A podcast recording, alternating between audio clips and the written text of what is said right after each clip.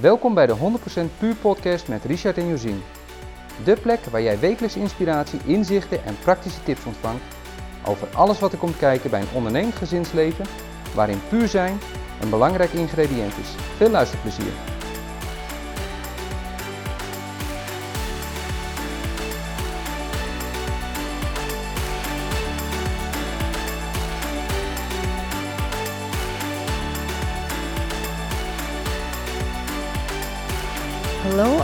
Deze keer weer een eh, solo aflevering. En de reden voor deze solo aflevering is dat ik net terug ben gekomen uit uh, mijn bezoekje bij mijn oude gastgezin. Nou heb ik geprobeerd om terwijl ik daar was om een podcastaflevering op te nemen met een van de dochters uit het gezin. Maar we hadden eigenlijk zoveel bij te kletsen en te bespreken. En daarnaast allebei drie kinderen onder onze hoede, dat dat niet is gelukt. We hebben wel gezegd dat gaan we nog een keertje inhalen. Maar ik zou heel graag het vandaag even willen hebben over het ja, belang eigenlijk, zou ik bijna willen zeggen van een bepaalde periode in het buitenland vertoeven op het moment dat je nog jong bent. Ja, wat is nou jong? Ik bedoel dan het liefst een beetje tegen het einde van je leerplicht, schoolgaande leeftijd. Ik deel graag mijn ervaring daarover. Het was 1999.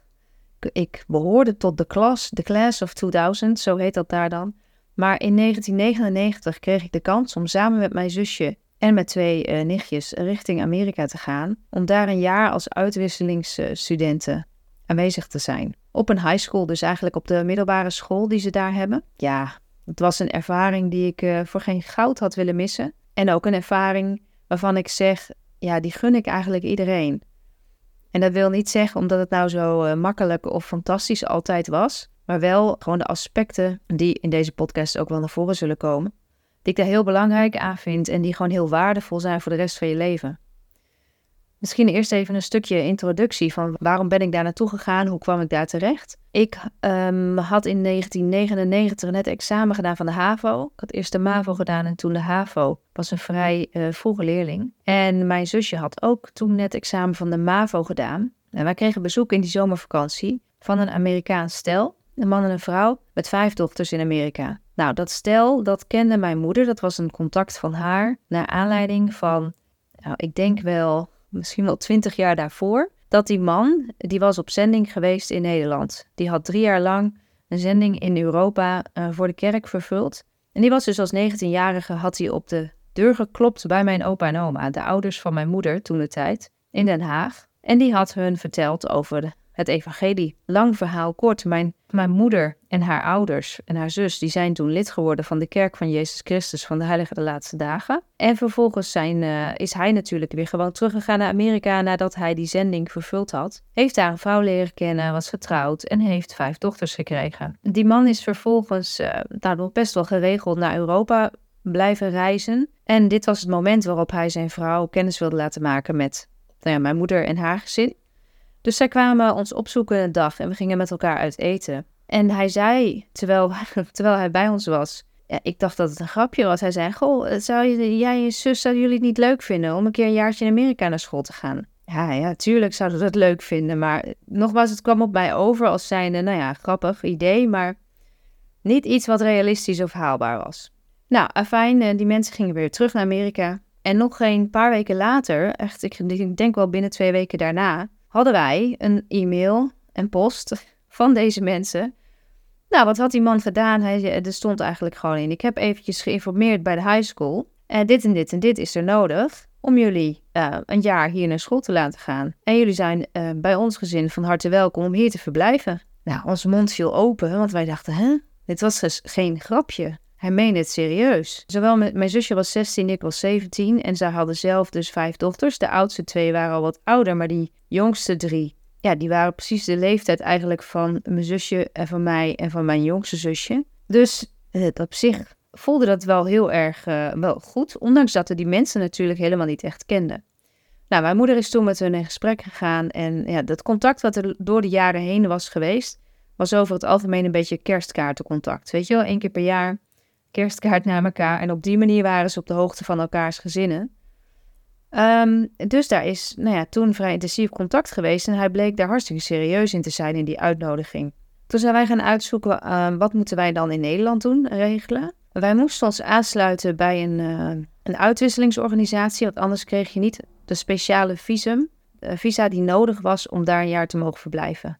Dus dat, uh, nou, dat hebben we gedaan. Dat moest allemaal heel spoedig eigenlijk. Want in Amerika heb je drie maanden zomervakantie. Maar wij zaten al een beetje richting het einde van die zomervakantie. Eind augustus begint de school daar vaak weer. Dus dat is allemaal uh, ja, een soort van gehaast geregeld. Toen heeft mijn moeder gezegd: Nou, ik ga wel mee om jullie weg te brengen. Want ja, die wist niet waar wij terecht kwamen. Nu ik zelf kinderen heb, snap ik dat nog beter.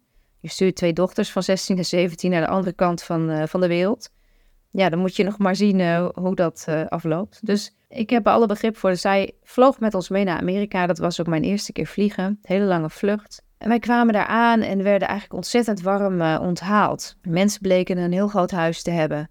Met een hele vleugel bovenin waar wij met elkaar konden verblijven. En um, ja, de volgende dag was er al een, een, welkomstfeestje voor ons geregeld. De vader in het gezin die bleek een soort eigenaar van een, een soort centerparks te zijn. En die had, uh, ja, was gewoon een geslaagde zakenman. Nadat het ook wel mis was gegaan hoor. Maar die had dus ja, zichzelf met niks begonnen. En uh, ja, had gewoon een goed leven hadden ze daar. En zo kwam het dat wij dus na een week ging mijn moeder weer terug. En wij uh, bleven daarachter. Nou, en toen begon het eigenlijk pas, want we gingen daar naar school toe. En ik had op de school in Nederland had ik een heel goed cijfer voor Engels. Was eigenlijk uh, een van mijn beste vakken. En toen kwam ik daar, dus ik dacht eigenlijk, ik heb geen probleem om mensen te verstaan. Maar toen kwam ik daar en toen bleek dat wel even anders.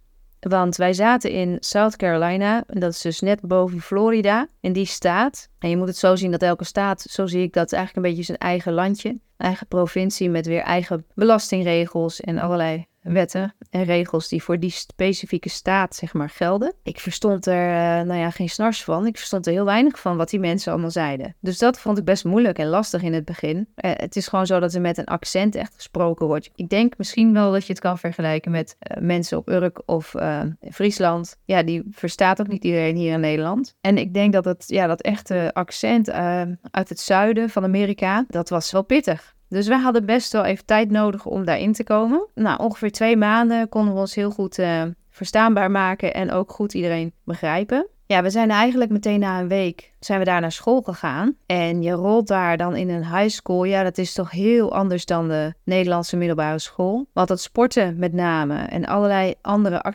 externe activiteiten die we hier extern zouden doen, die zitten er daarbij in. Ik heb daar een jaar lang de kans gehad om te basketballen in het uh, basketbal varsity team. En ja, dat was in één woord geweldig. Het is zo dat daar gewoon dan fysiotherapeuten op school aanwezig zijn. Alles wat je hier eigenlijk in de sport ook wel ziet, een beetje in de topsport, ja, dat bieden ze daar allemaal op school aan. Verzorgers en noem maar op. Dus het was een hele bijzondere ervaring. Dan moet ik zeggen, er werd ook echt uh, oprecht goed getraind. Je hebt ongeveer, hadden wij tot drie uur, half vier school. En direct daarna hadden we basketbaltraining. En dat was er ook gewoon vijf dagen in de week. En dan de zesde dag op zaterdag een wedstrijd. En heel vaak ook nog door de week wedstrijden, s'avonds. Dus uh, ja, we, we, reden wat af. En dat was ook zo dat ik uh, ik kan me eigenlijk haast niet herinneren dat ik geen spierpijn had dat jaar. Zondag was echt een rustdag, waarin we allemaal bijsliepen en uh, heel weinig deden. Ja, de kerk ochtends en verder uh, uitblussen van de week. Nou ja, en mijn zusje die kreeg de kans om in het, uh, het voetbalteam. Nou, voetbal begint nu behoorlijk op te komen daar, maar dat was toen echt nog nou, niet heel erg een volkssport. Je hebt daar meer basketbal en American voetbal, dat waren de sporten die ertoe deden. Maar goed, het vrouwenvoetbalteam, daar was zij de kiepster van.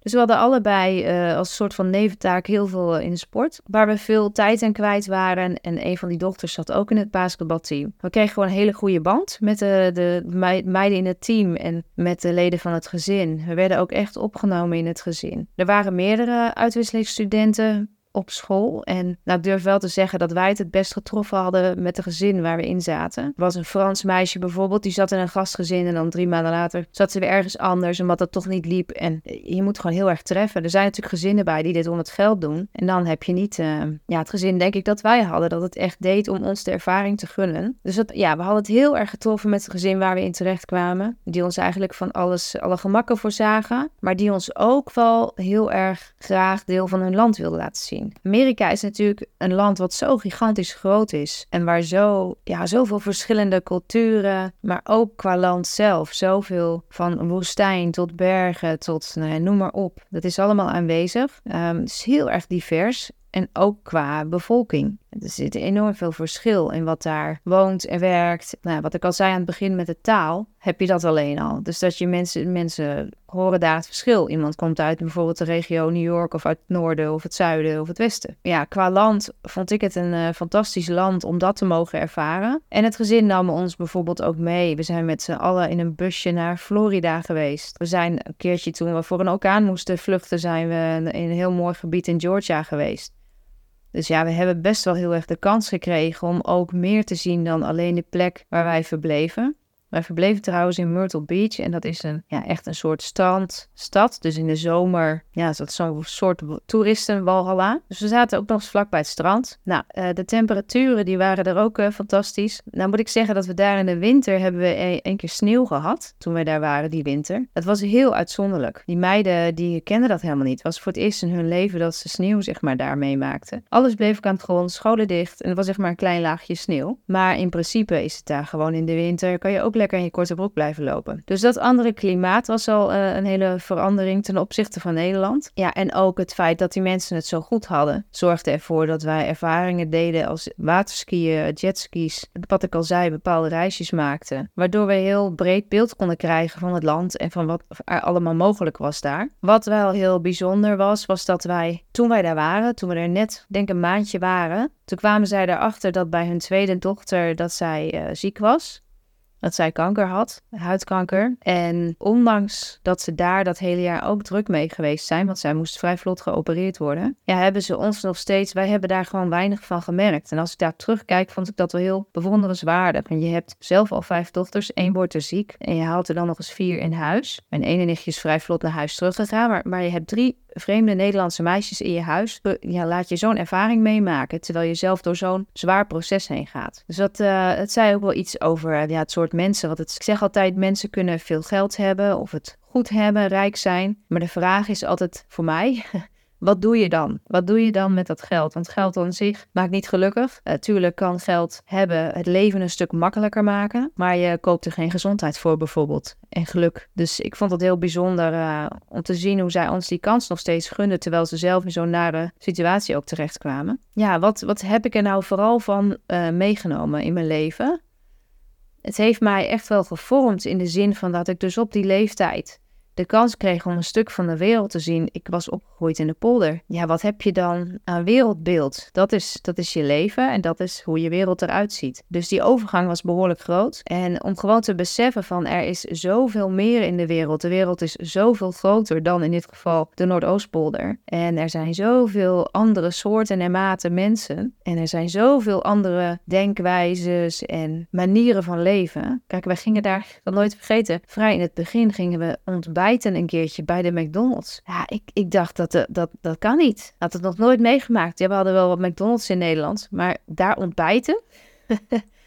Vond het een hele gekke, heel gek idee. Maar ja, dat was toen al zo, dat je daar gewoon uh, kon ontbijten. En ja, ook pancakes. En nou ja, qua voeding kunnen we een heel apart boek over schrijven, hoe dat daar geregeld is. Ik denk dat we blij mogen zijn dat we in Nederland leven. Maar dat waren wel, het was echt een besef van, ja, het is dus niet allemaal zoals ik het ken. Er is veel meer in de wereld dan wat ik tot op dat moment gezien had in mijn leven. Bovendien vond ik uh, de school ontzettend fijn. Ik had in Nederland nooit zo'n uh, warme band naar school toe een beetje hekel aan leren. En daar in Amerika vond ik het heel fijn dat dus al die andere vakken, zoals het sporten ook, heel erg ver, nauw verweven zijn met je school. Daarnaast had ik, kon je vakken kiezen zoals public speaking, drama, dus dat is eigenlijk toneel, uh, muziek, nou, noem maar op. Dus ik nam ook wel Frans bijvoorbeeld als vak, maar ook public speaking en drama. En dat zijn natuurlijk hele andere soort vakken uh, dan die wij in Nederland in je middelbare schoolpakket, zeg maar, uh, standaard thuis uh, zagen, toen in ieder geval. Dus dat vond ik heel erg waardevol om te beleven en te ervaren. Ja, dus een stukje, echt wel een stukje andere cultuur. Die Amerikaanse cultuur en dus de taal.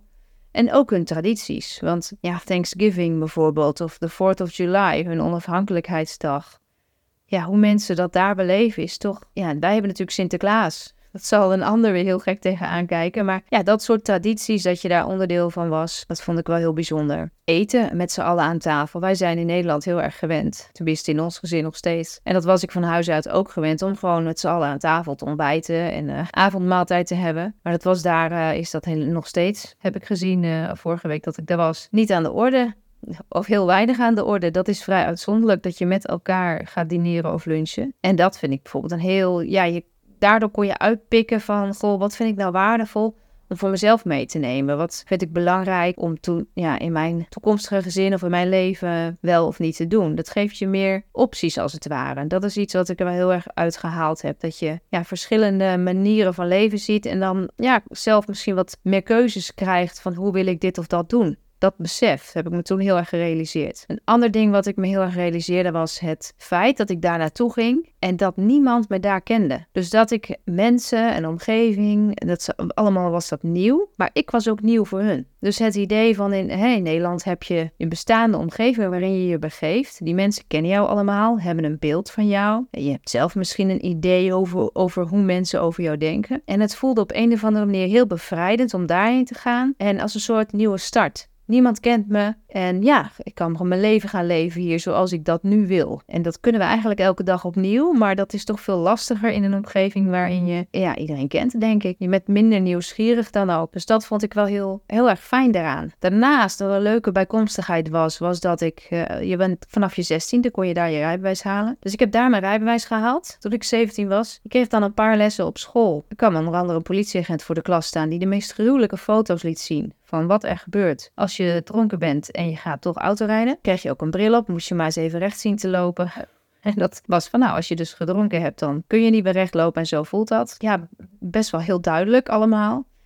Daarnaast moesten wij vervolgens een periode rijden met iemand naast ons die het rijbewijs al had. Nou, heel veel respect voor onze gastmoeder, Linda, want zij heeft dat dus met ons allemaal gedaan. Inmiddels heb ik zelf een 16-jarige en er een paar keer naast gezeten, maar ik geloof niet dat ik daar zo geschikt voor ben. Ze had heel veel geduld en heeft er dus op die manier voor gezorgd dat wij allemaal ons Amerikaanse rijbewijs daar konden halen. En dat heeft mij later in Nederland bij terugkomst een hoop geld geschild, want ja, ik, ik had een internationaal rijbewijs schoolvak gewoon zat bij school in, dus daar betaalde je niet voor. En vervolgens kocht je voor 25 dollar een internationaal rijbewijs. En daar heb ik toen nog eh, een jaar bijna mee in Nederland rondgereden toen ik terugkwam. Ik had wat geïnformeerd en de regels waren hier niet heel duidelijk over dat internationaal rijbewijs. De regels waren wel duidelijk, maar de, de overheid wist het allemaal niet zo goed. Dus ik dacht, nou, ik ga daar gewoon mee rondrijden en heb op die manier veel rijervaring op gedaan. En om het rijbewijs om te wisselen voor een Nederlandse rijbewijs moest ik dan een internationaal uh, of uh, ja, rijexamen doen, zeg maar. Dus dat heb ik gedaan. Dus dat was eenmalig 300 euro. En toen was ik geslaagd en had ik het Nederlandse rijbewijs. Dus dat is een leuke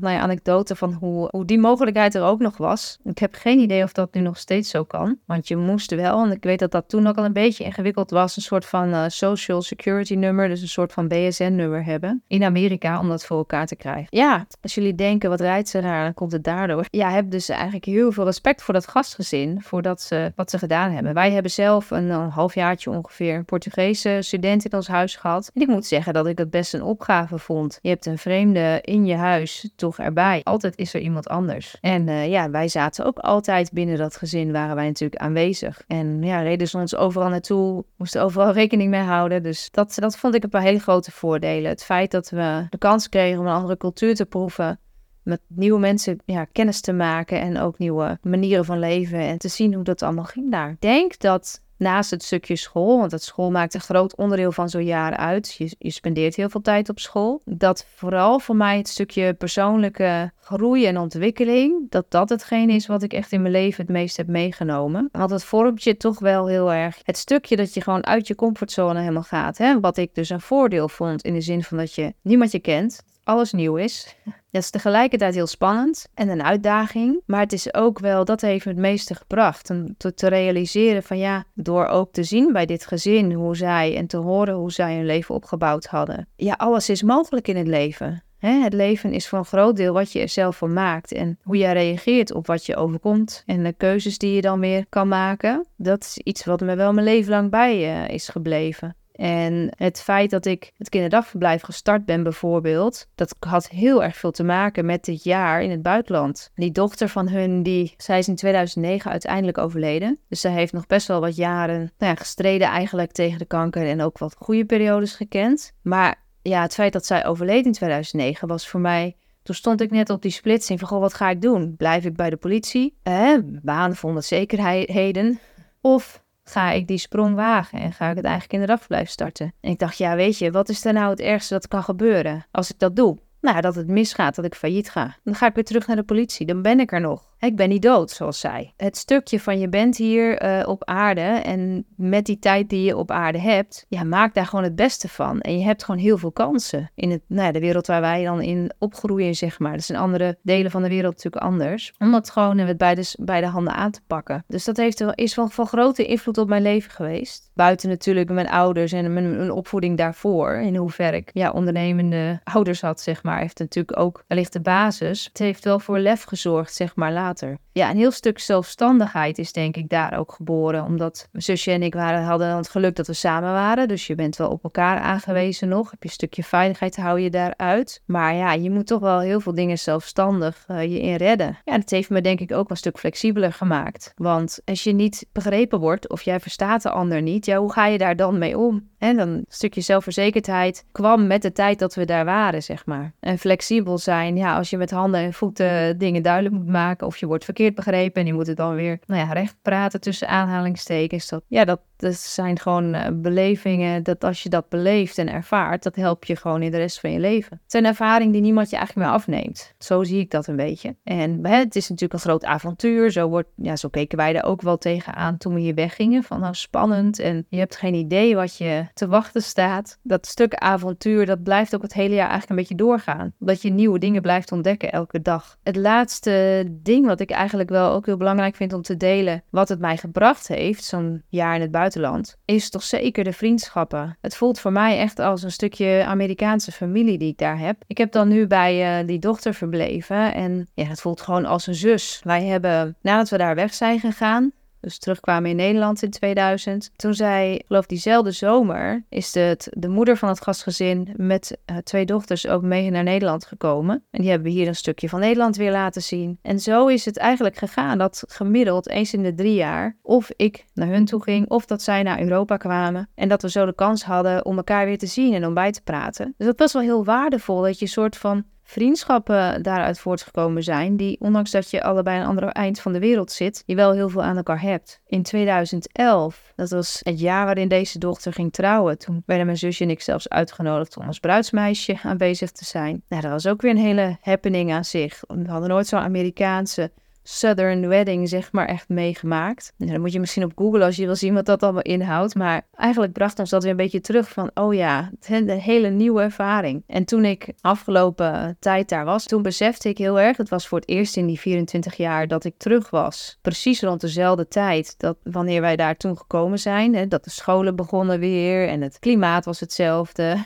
heel warm. Was ik bijna vergeten. Heel benauwd is het in die zomerperiode. Ja, het besef van wat het mij gebracht heeft. En dat we zo'n goede, diepe vriendschap hebben. Nou, dat is gewoon heel bijzonder dat je nu allebei kinderen hebt. En een, een deel van je leven, zeg maar, voorbij is gegaan. Ja, waar dit aan ten grondslag ligt. Dit jaar waarin wij uh, bij hun in huis woonden. Ja, het is echt wel een soort, uh, moet je dat zeggen? Eigenlijk een soort tweede thuis wat je dan daar hebt aan de andere kant van de wereld. En ik denk dat een uitwisseling wisselingprogramma, met welk land dan ook. Hè? Ik bedoel, wij hadden het geluk dat we naar Amerika gingen, maar ik vermoed dat naar welk land je ook gaat, als er een andere taal is en dus een, ook een andere cultuur, dat dat altijd ja, een klein beetje dit soort, nou, de kans heeft om dat soort inzichten mee te geven. En ook de kans, zeg maar, in zich heeft om zelf dus te groeien en daar bepaalde lessen uit te halen die je je leven lang mee zal nemen. En dat kan natuurlijk ook ten negatieve zijn. Nogmaals, ik ken ook negatieve verhalen van uitwisselingsstudenten, maar voor ons was het een enorm positief ja, ervaring. En daar ben ik uh, ontzettend dankbaar voor en dat zal ik ook altijd blijven. En de reden dat ik er dit jaar naartoe was gegaan, was omdat de vader van het gastgezin 80 jaar werd. Dus had ons uitgenodigd. En en als ik dan zie, toen ik daar was, wat die man nog allemaal uitspookt en doet terwijl die 80 is, dan denk ik, ja, dat is nog steeds het voorbeeld van wat ik toen zag. Van ja, alles is mogelijk. En je weet nooit hoe lang je hebt hè, in dit leven. Maar hij is zo'n zo, ja, schoolvoorbeeld, zou ik bijna willen zeggen, van blijf gewoon alles eruit halen wat binnen je macht ligt. En uh,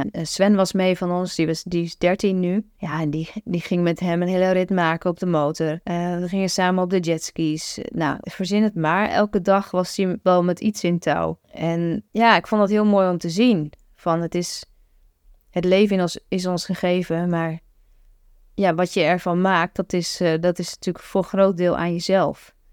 En het besef dat we die kans hebben en in een wereld waarin we nu wel eens denken van nou maar we worden allerlei beperkingen opgelegd. Of de wereld om ons heen bepaalt van alles. Nou ja, ja en nee. Je hebt nog altijd een keuze. En ik denk in een land als uh, Nederland dat we ja, wel heel erg blij mogen zijn met die vrijheid.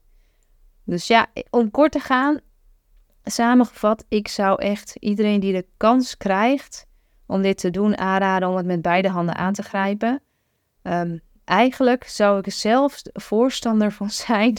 Dat klinkt wel weer dan wat minder keuzevrijheid. Uh, achtig, maar ik zou er eigenlijk voorstander van zijn dat dit een soort van bijna verplicht onderdeel zou moeten zijn voor iedereen zeg maar tussen je 16e en je 18e, 19e ergens minimaal een half jaar in het buitenland te zijn. Gewoon om de ervaring te hebben, ja, nou ja, die ik dan misschien gehad heb, maar om die bepaalde ja, levenslessen te kunnen beleven. Ik weet dat ze bij ons in de kerk de, de mogelijkheid voor jongelui om op zending te gaan. En dat is over het algemeen ook in het buitenland. Ja, ik denk dat een van de belangrijke redenen van zo'n zending ook is gewoon dat het je zo vormt als persoon. Dat je weg bent uit je vertrouwde omgeving, weg bent uit je ouderlijk huis. Je gewoon andere dingen beleeft en ervaart. Dus ik hoop dat mijn kinderen die kans ook krijgen. En ik zie het nu al een beetje aan Jared. Dat dacht ik van de week. Goh, ja, hij is natuurlijk 16. En hij had het erover. Hij heeft nogal wat moeite nu om op tijd op zijn uh, trainingen te kunnen komen. Gezien het OV, zeg maar. Dus hij zocht een andere oplossing. Ja, misschien kan ik wel in een gastgezin, zei hij.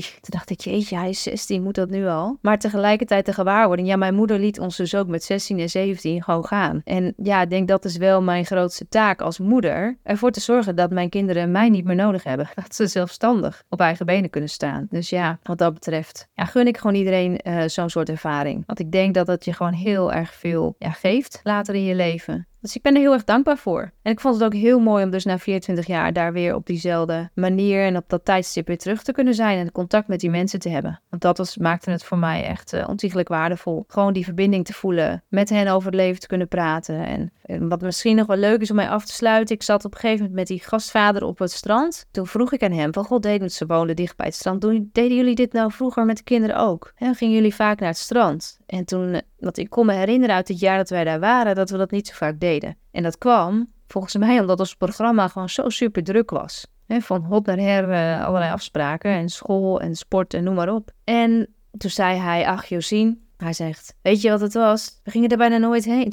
en ze woonden echt op vijf minuten rijden van het strand. Hè? Hij zegt, want joh, zo'n gedoe, dan moet je, moet je allemaal die spullen meesjouwen, zoals parasols en stoeltjes en handdoeken en eten en drinken. Nou, dus dan kwam je heel bezweet aan, dan moest je ergens parkeren. En dan kwam je terug van het strand en nou, had je alles onder het zand. Dus dan zat je auto vervolgens helemaal onder het zand. Gewoon zo onpraktisch. Nou, inmiddels hadden ze dus een huisje aan het strand. Een huisje, zeg ik maar een huis. En hij zei, dat is nu, nu is het zoveel makkelijker. Want nu kunnen we gewoon hier naar dit huis komen. We lopen zo het strand op. En dan hadden ze onder dat strand gewoon buiten een douche. Dus ja, al dat gedoe, zoals hij dat zag, zeg maar, dat, uh, ja, dat was er niet meer. En hij genoot daar zo enorm van. Hij zegt, vroeg hem, als je terugkijkt op je leven, hij is natuurlijk 80 geworden nu. Wat is dan je grootste accomplishment, zei ik. Nou ja, wat je bereikt hebt, zeg maar, in het leven. Hoe kijk je daarop terug? En toen gaf hij ook aan van ja, dit, dit, dit, dit strandhuis en het is allemaal mooi, maar het is allemaal, daar gaat het niet om. Hij zei het meest blij en als ik op mijn leven terugkijk, dan ben ik het meest trots op mijn vijf dochters en ik heb vier fantastische schoonzoons. En uh, nou ja, en tien uh, kleinkinderen. Hij zegt, en, en als ik kijk hoe wij genieten dat we hier met z'n allen bij elkaar kunnen komen in dat strandhuis dan. En gewoon van het met elkaar samen zijn. Hij zei dat, dat is mijn grootste accomplishment. Dus dat vond ik wel mooi om te horen. Ja, het, het leven is niet altijd wat het lijkt. En wat is, dan, wat is nou echt het belangrijkste? Dat is dus gewoon die verbinding met de mensen die je dierbaar zijn. Ja, dat vond ik mooi om te horen. En dus daar wil ik het bij afsluiten. Deze podcast. En iedereen die de kans krijgt, of dat je je kind de kans kan geven om zo'n ervaring in het buitenland op te doen, zou ik zeggen: go for it. Doen.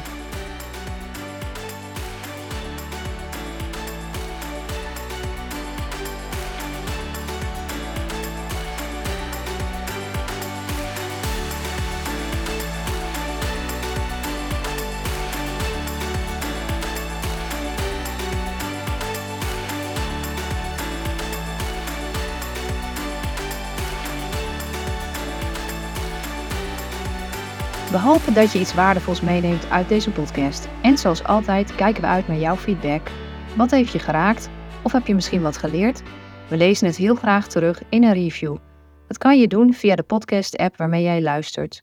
Ook kan je je abonneren op onze podcast, zodat je telkens, wanneer er een nieuwe aflevering online staat, direct op de hoogte bent. Heb je tijdens het luisteren nou gedacht aan iemand die ook wel een portie puur kan gebruiken? Je kunt de podcast dan delen via social media of gewoon de link kopiëren en doorsturen. En misschien ben jij zelf zover dat je graag actie wilt ondernemen richting een 100% puur leven. Download in dat geval gratis ons stappenplan via www.pureolien.nl slash stappenplan. Dat is www.pureolien.nl schuine streep naar voren S-T-A-P-P-E-N P-L-A-N. Tot de volgende keer.